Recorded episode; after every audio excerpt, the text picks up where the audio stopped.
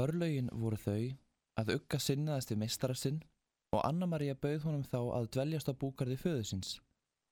Þar fekk hann að vera algjörlega sjálfræður gerða sinna. Hann tók nú til óspildra málana að skrifa skáldsögu og livði eins og blómi í eggi því að móðir Anna-Maríu degraði við hann. Skáldsagan hitt Þrándur Örn í höfuðið á söguhetjunni. Hún átti að hitta einhvern í hausinn sem ég vissi ekki almennilega hver var, líklega oppin af mannkinninu. Og skriftirnar gengur skafið. Það var samsagt ekki neinu vandkvæðum bundið fyrir mér að skrifa. Ég skrifaði aðeins beint áfram, pennin fór á valhoppi.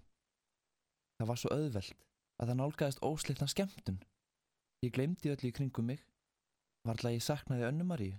Ég grét og hló á víksl eftir geðblæ bókarinnar og var í raun og veru eins hamingjusamur og að stöðluðumönnum er yfirleitt und að verða. Það sést á þessu að Ugga hefur alls ekki verið svo lítið niðri fyrir. Lungin úr bókinni gerðist á ræðustólnum, þránti erðni var nefnilega meira en lítið niðri fyrir. Það er varðla hæpin getkáta að ætla að þrándur örn hafi verið málsvari fyrir skoðanir höfundar. Uggi er reyður við heiminn, hatast við þá fjötra sem hann leggur á einstaklingin, reyður við Guð, hann vil rífa niður og byggja upp aftur. Hann skorar heiminn á holm, en engu að síður gera hann sig grein fyrir að við ofur efli er að etja. Þrándur örn fellur í baráttunni. Ég þótti fyrir því að þurfa að láta þetta gerast, en var líklegt að farið geti vel fyrir manni eins og þrándi erðni.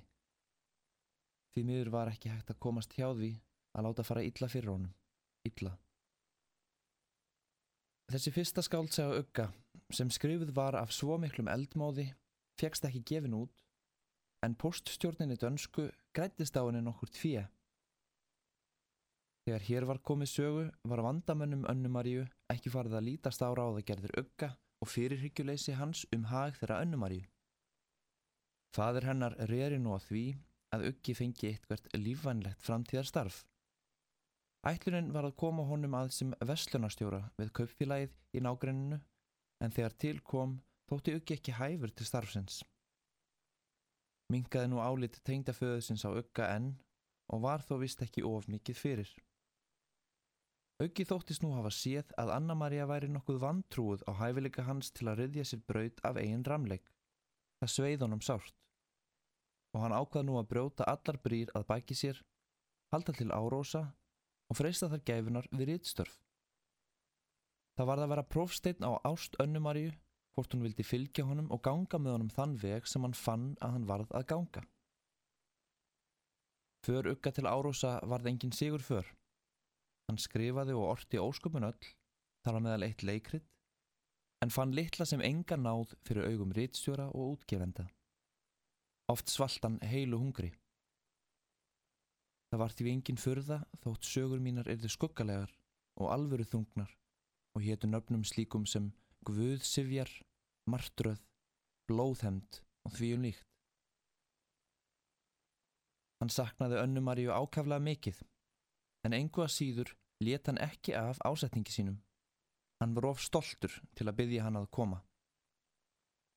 Anna-Maria varð sjálf án aðstóðar og útskýringa að skilja og sætta sig við ofmetnað minn og æfintýralegan bjánaskap. Það kom ekki til mála að gera henni þar nokkra úrlaust. Hver tilröndi skýringa hefði í eðli sínu ekki verið annað en dullbúin beiningamennska. Hún hefði þekkt mig í tvö ár. Leiðin var nú opinn, ef hún vildi fylgja mér. Beinleið en erfið og enginn kostur þess að snúa við. En ég vildi ekki byggja hann fyldar. Ekki fyrir hann af væri hið erfiðasta. Loks kom Anna-Maria og það urðu reikningsskill. Ég hafði ásett mér að reyna ekkert til að hafa áhrif á hana, korkja á einn en í annan hátt. Skýra ekki frá neinu, útskýra ekki neitt. Hjarta mitt var blæðandi. Steinn. Og þar sem Anna-Maria bauð ekki fyllt sína, skildu leiðir þeirra. Uggi undi nú ekki lengur í árósum og hjælti kaupmannahafnar. Ástur önnumari og ugga en engum þó endalók samvista þeirra lýsa vel þeim þroska sem Uggi hefur nú náð og þeirri baráttu sem hann kostaði. Enda þótt ástgóður og stúlku séu honum ómetanleg, er honum nú orðið annað en þá meira virði, að vera hann sjálfur. Ég varða að ná því marki að verða ég sjálfur gagmast öðrum mönnum, geta tjáð mig. Allt var undir því komið að geta staðið beinn. Ég varð að berjast, uns ég hefði áunnið mér frjálsæði hið ytra, frið hið innra, er þið fullkomlega óháður. Án þess var lífið mér einskinsvert og óþólandi. Honum er nú orðið ljóst að hann hefur köllun að rækja og bregðist hann hugssjón sinni, svíkur hann sjálfan sig og um leið gerast hann svíkari við minningu móður sinnar. Sú kona einn á samleið með honum sem virðir þessa köllunans, treystir honum fullkomlega og er reyðubúin að fylgja honum til sigurs eða dauða. Ef til vill færi eins fyrir honum og þrándi erðni, en þá var ekki um það að fást. Köllun sinni gata hann ekki bröðist. Anna-Maria var ekki reyðubúin og því hlutu þau að skilja að skiptum. Þegar Uggi fer frá árósum stendur hann rétt á tvítugu. Hann er ekki lengur unglingur en á góðri leið með að öðlast fastmótaða og ofinju einbeitta skapgerð. Lífsstefna hans, sem hann kvikar aldrei frá síðar, er nú ráðinn. Híðan af getur aðeins tvent hamla för hans ef honum endist heilsa á líf. Hæfileika skortur og skortur á kvenlegri samfylg við hans hæfi. Umið fyrra er ekki ástæða til að óttast. Öll forsaga ugga sínur ótfýraða hæfileika. Umið síðarnemda er enn ekki vitað. Var það tilviljun, óskilinlegir duttlungar örlagana að uggi staðfestist ekki á Jólandi, kvæntist önnumari og varð að engu. Full ástæða er til að efast um það. Væri ekki réttari álíktun að þrá andans hafi þá verið orðin kalli blóðsins sterkari og hagað atfikun til án þess að auki gerði sér það ljóst í fyrstu. Sé svo er ekki að efa að góðan stuðning hefur auki fengið í baráttu sinni við þessu öll af kynnum sínum við Pétur Gaut sem var eitt af eftirlætis rytum hans á þessum árum og hann kunni nærfelt utanbókar. Að minnstakosti er sem heyra megi í hugarheimi auka Þið magnþrungna viðlag Ípsens gamla Mann, verða í self Rúmt ár dvelst Uggi í kaupmannahöfn án þess að nokkuð rófi til. Hann slakar þó ekki á skriftónum og er mjög ímsarráða gerðir á prjónunum. Stundum tekst honum að selja smásögu, kvæði eða greinarstúf og getur þannig forðað sér frá algjörum hungur dauða, en oft skellur hurðunar í hælum. Um skeið er svo fast af hann um sorfið að hann verður að gera sér að góðu brauðmóla sem fólk flegir fyrir endur í tjörn Fridriksbergsgarðs. Oftar auka þungt í huga. Hún var til dæmis hugsað þegar hann fyldi kunningja sínum til skips. Skipherra. Landir síðan ég var skipherra. Svo var þó tíð ég sildi heiminn skipum. Nú var skipastól minn þorren. Ég klauf ekki framar hafströyma en ég heiminn léttu flegi. Hugleikur mjögseglandi. Það var í þann tíð, en ég hafði brotið skip mitt og var ekki lengur í förum. Einmannakendin, heimilisleysið, hinnir gömlu tryggu förunittar hans, sóttu að honum á döprum stundum. En út af við let hann engan bilbug á sér finna. Hann misti ekki kjarkin, Hann skildi sigra og reyndar vissi hann hvað vantaði. Við vantar aðeins eitt. Konu. Hvar leynist hún? Hvert get ég leitað hennar? Ef ég kemst til hennar á annað borð og næ tali hennar, veit ég að hún mun fylgja mér. Hún mun gera það engu síður, þjótt ég sé hór krangi í tötrum og verði að veðsita rakvilna mína og leysa hana út aftur á víksl og vissulega var þessa ekki rámt til getið. Þinn drungalegi og þunglamalegi blær sem mun hafa engjant skáldkap hans á þessu tímabili hefur trúlega ráði mestu um það hversu lítillar hilli hann naut hjá útgefendum. Og ekki er að Eva að sá drungi stafaði frá því að sjálfur naut hann hvorki kvenlegra hlýju ný ástar. Nú var líka svo komið að Uggi gatt áhættulust bundist konu. Hann var orðin nógu þroskaður, nógu stefnufastur á brauðsinni til að láta enga konu nýka sér af leið. Til þess að velja sér þá konu einaða förunaut sem ekki myndi frista þess. En hvar leynist hún? Mikið af efni í fjallkirkjunar frá kaupmannahafnar árunum snýstum ímsa menn, engum rítöfund á aðra listamenn sem auki kynntist og hafði margvísleg samskipti við. Hann bræður þar upp mörgum litríkum myndum og góðlátleg gletni hans sem við kynntumst svo vel í mannlýsikum hans frá bernsku árunum skýtur nú aftur upp kollinum.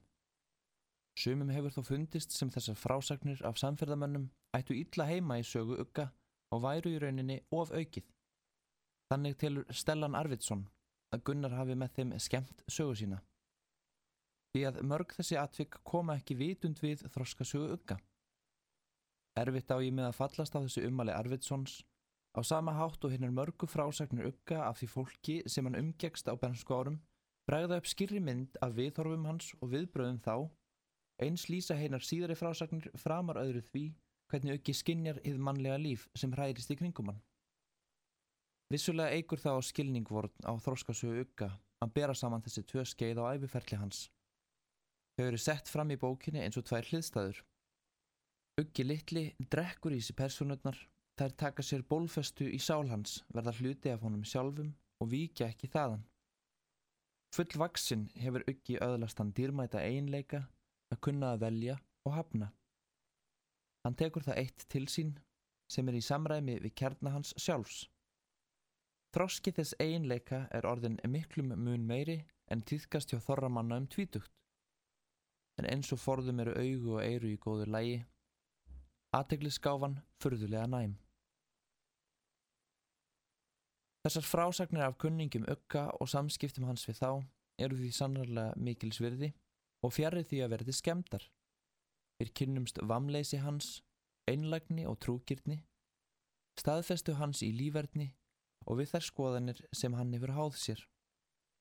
Ekkert fekk haggað honum frá samferðeiku sinni. Pétur Bergson, sem þó var góðvinur hans, gæti ekki lætt inn hjá hann um neinum guðsbyggjahjómyndum. Baldvin Árnason, sem uggi bar talsverða vinningu fyrir, gæti ekki gert hann að jafnaðamanni. Davíð Jónmund sinni varðu megna að draga úr heiðarleika hans og vennja hann á bílífi og ég vil Stefán Einars Sveinsson gat ekki mótað riðtöfundarsjóna með Ugga að neinu verulegu leiti. Uggi var alltaf samur og jafn. Þó var ástæðan hvorki einstrengingsháttur niður þróska, hann var hvorki þröngsinn niður steinrunin. Hann var einungis výður öðrum lögmálum, lögmálum síns innra manns. En alltaf einu var þessi kunningahópur Ugga honum mikil sverði. Fyrir utan það að samvistir við þá gerðu honum lífið ekki alveg eins einmannalegt.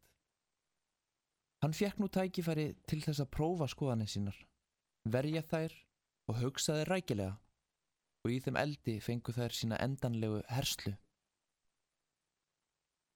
Auki var nú langt komin með að gera upp reikninga sína við Guð. Framhaldslíf let hann lönd og leið, um það var hvortið er ekki hægt að vita. Hann afneitaði döðanum, en festi trú sína á lífinu, finnu góða í manninum án þess að láta sér sjást yfir veikleika hans. Maður varða þjóna lífinu af heilum og óskertum hug.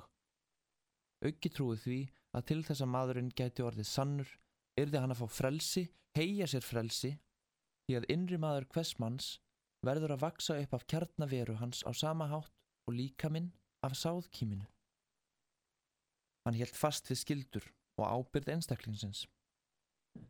Sérkver maður sem ætlar að ávinna sér andleg gæði verður að skapa þau í sjálfum sér, tekna sjálfur ringa sína, semja sátt sína sjálfur bæði við eilíft og tímanlegt. Auki var svo sannarlega einstaklingsheggjumadur og kerði sér ekki um að neitt tröflaði ringana hans.